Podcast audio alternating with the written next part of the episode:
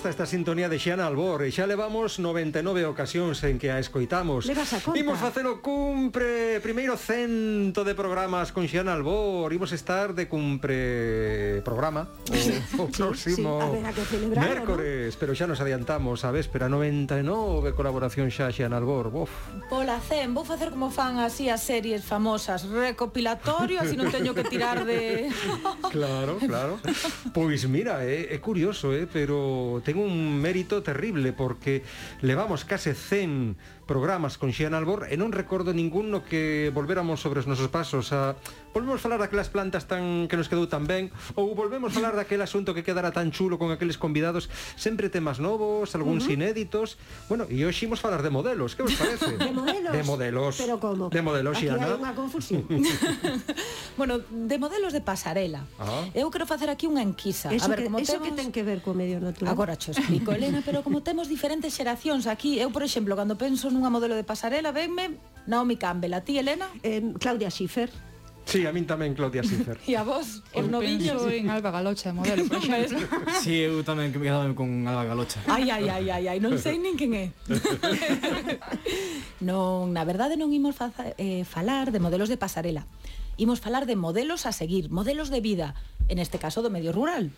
Elena podeme dicir, medio rural, estamos en medio ambiente, pero que en Galicia querida xentiña, o medio rural está misturado co medio ambiente, os nosos usos tradicionais, o, o minifundio, o xeito no que temos desenvolvido as nosas actividades durante séculos, fixeron que o rural e o medio ambiente se misturen. Uh -huh. E falar de un, ás veces, fainos falar do outro. En este caso vou falar dunha cousa moi bonita, que son as aldeas modelo, que son superútiles, por exemplo, para evitar os lumes, esa lacra nosa que efectivamente sí. aumentaron no momento en que deixamos un pouquiño de lado a nosa vida rural.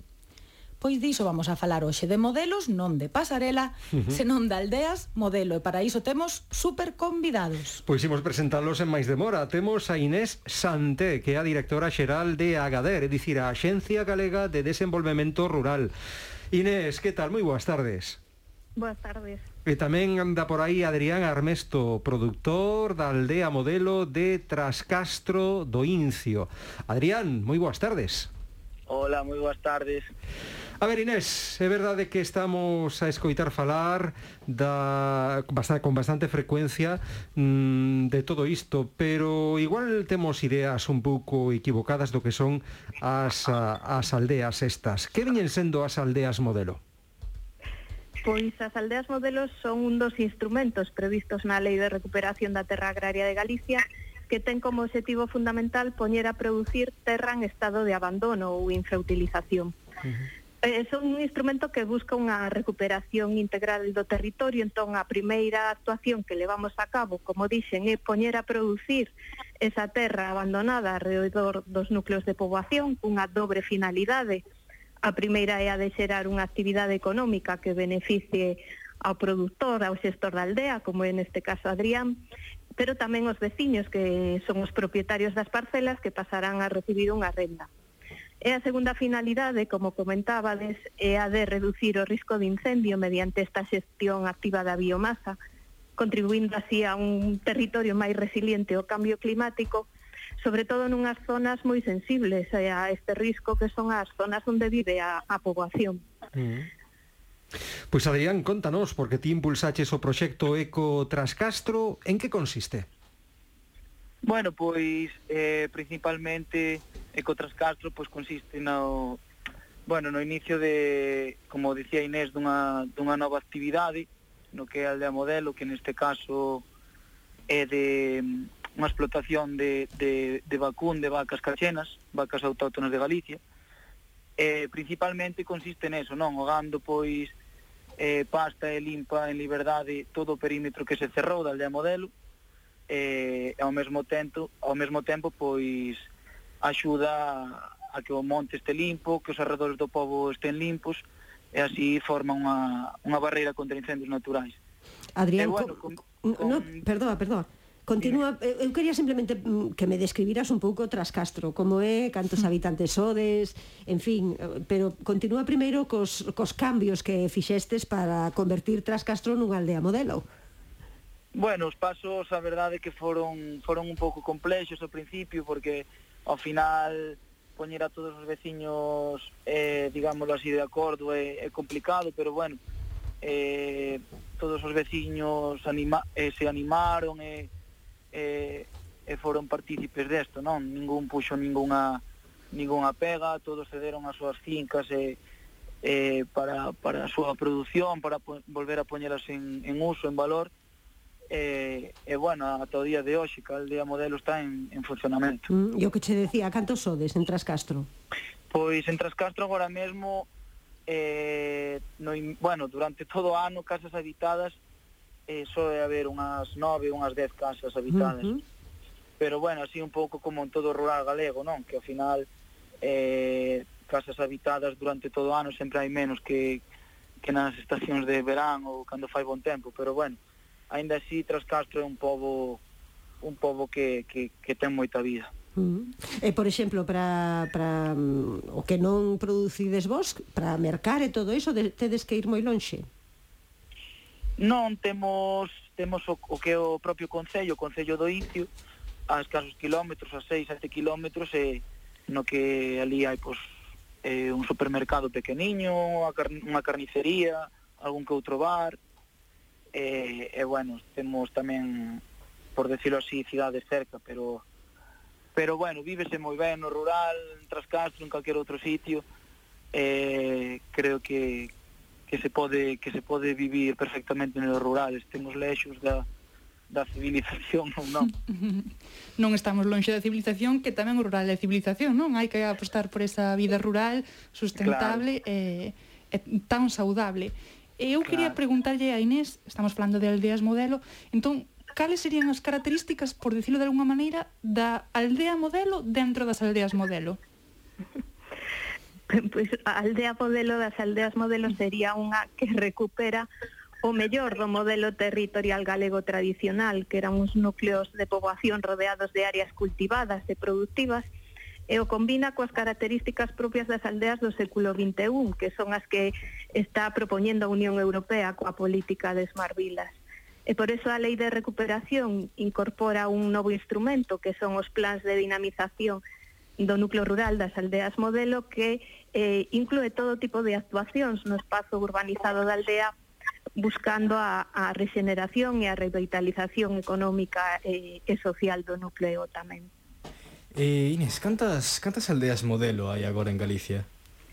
Pois actualmente temos declaradas 14 aldeas modelo, tres están xa en funcionamento, unha de Trascastro, as restantes están en diferentes etapas, pero xa estamos traballando nas próximas 15 aldeas, eh, algunhas das cales esperamos que se declaren xa nas próximas semanas. En total temos pois declaradas 400 hectáreas e estamos traballando noutras tantas. E será o Xeixo na Gudiña unha das próximas, Inés? Estivimos ali a semana pasada e a verdade é que o resultado da reunión foi moi alentador porque todos os veciños estaban de acordo. Mm. Eh, e iso é a, a clave para poder levar a cabo a aldea modelo. Pois a, a xente quere que se faga algo coas terras e que se poñan a producir eh, e, e eh, bueno, eu creo que sí que saerá pronto. Nas redes sociais do teu proxecto, Adrián, en, que a xente as pode procurar moi sinxelamente, Eco tras Castro, contas moitas cousas da vaca cachena, que a mí me parece moi interesante. Por exemplo, dis que cachena vende cacheno, que significa pequeno. Mira, isto eu non o sabía. Non sei se nos podes alumear con máis datos sobre a vaca cachena, que tanto falamos dela, e a mellor non sabemos tanto.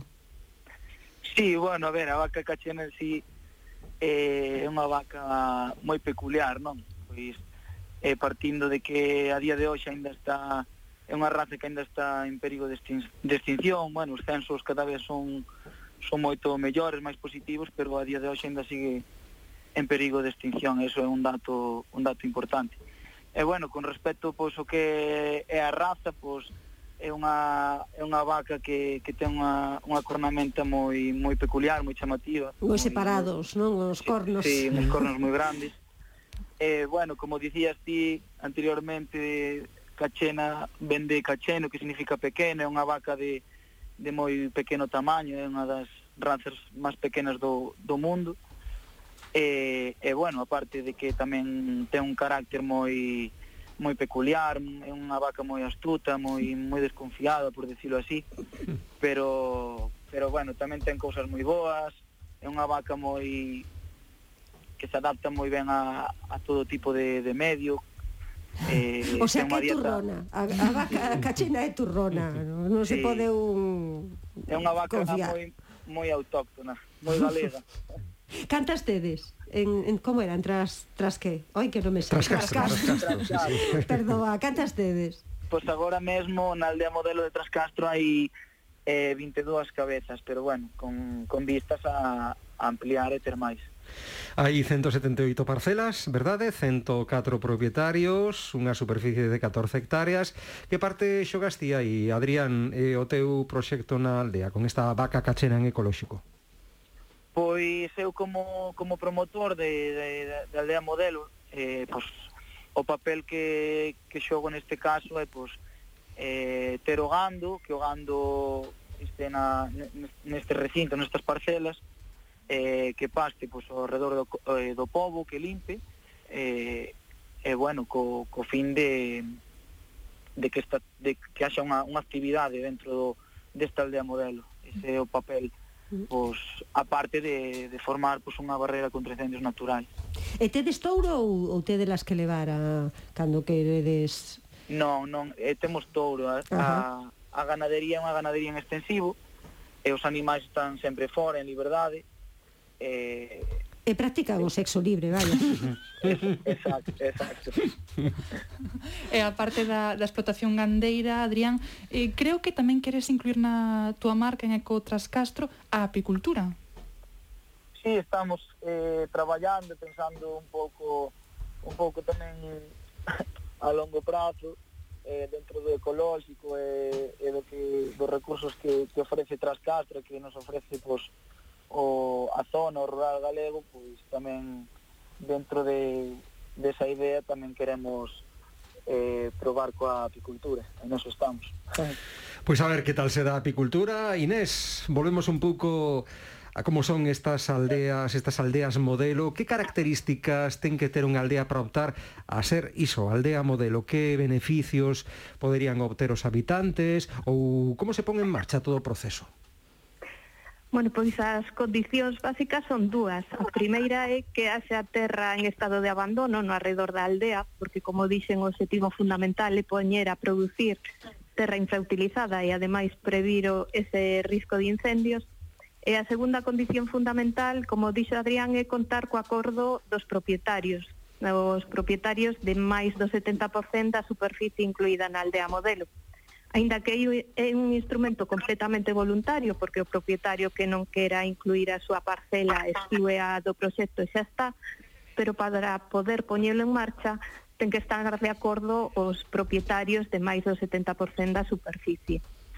Eh, os beneficios son evidentes porque, como dixen, é terra en estado de abandono, os propietarios pasan de ter que pagar por desbrozar, por, eh, por rozar as súas parcelas a obter unha renda eh, porque o produtor, neste caso Adrián, paga unha renda aos, aos propietarios, unha renda que ademais está garantida polo Banco de Terras de Galicia.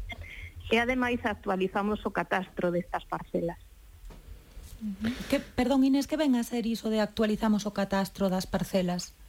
Sí, ao poñer en marcha o proxecto, pois facemos os traballos de levantamento topográfico, Ajá eh, actualizamos, bueno, facemos a investigación da titularidade, toda esa documentación sirve para enviarle ao catastro e, e ter actualizado eh, esa, esa referencia xeográfica das parcelas que moitas veces non está correcta no, na base de datos do catastro. E isto sen gasto para o propietario?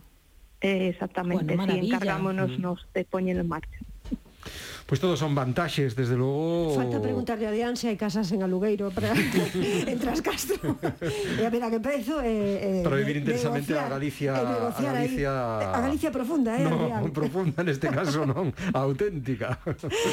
que para mí é o mesmo, sí. e, e con, con moito orgullo a que sí. Uh -huh. Eh, Adrián? Sí, sí, moi orgulloso.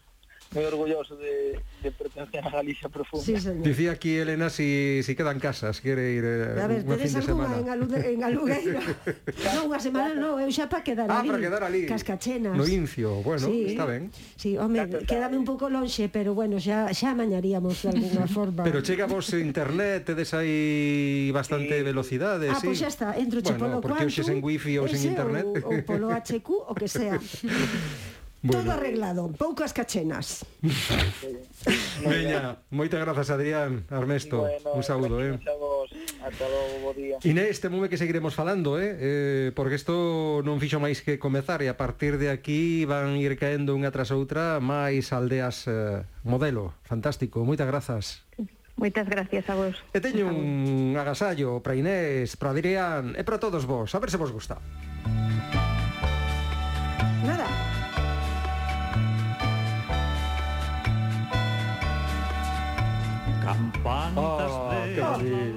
escaita, escaita, escaita. no? Que llamáis al amor mío. Dindo, dindo. no porque soy tan temprano que hace frío, mucho frío. Jorge Sepúlveda. en.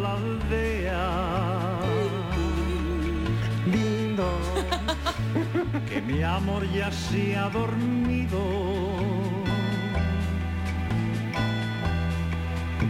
No quiero que se despierte, que soñando está conmigo. Que canción tan bonita. Xa non se fan letras así, eh? E que voz, escoitade a Jorge, por favor. Quiero decir que me quiere mientras un rosal sin rosas se está vistiendo de nieve. Eu tamén marcho coas cachenas, eh? Directamente. Agora falaría de sexo xoia? libre, das que lle gusta Elena. Roco, roco, roco. Quen descubriu esta, esta xoia, Jorge Sepúlveda? Esta xoia descubriu unha Xana Albor. Xana, sí. que maravilla. Pero... Isto é para os avociños, os avós e as avoas que están nas aldeas. Que Traixo a cassette, baixo o brazo, é a que estamos poñendo agora pola radio. que bailaban, o que bailaban antes. Sí, sí, sí. Agora bailamos reggaetón aí, unha cousa que nos deixa respirar. Pero, pero, pero, pero, pero, pero, pero, pero, nisto, o reggaetón. Quedamos un poquinho con Jorge Sepúlveda, eh? Xena Albor, moitísimas grazas. Grazas a vos, chao, Ata a semana que ven. chao. Unha ollada, por certo, unha ollada como está a nosa planta de bonita ali na Preciosa, redacción. fárolle todos os días. Bueno, comento, campanita, campanita, moi ben. comento as noticias boas nada máis. Estarán las flores, parece que allí en el cielo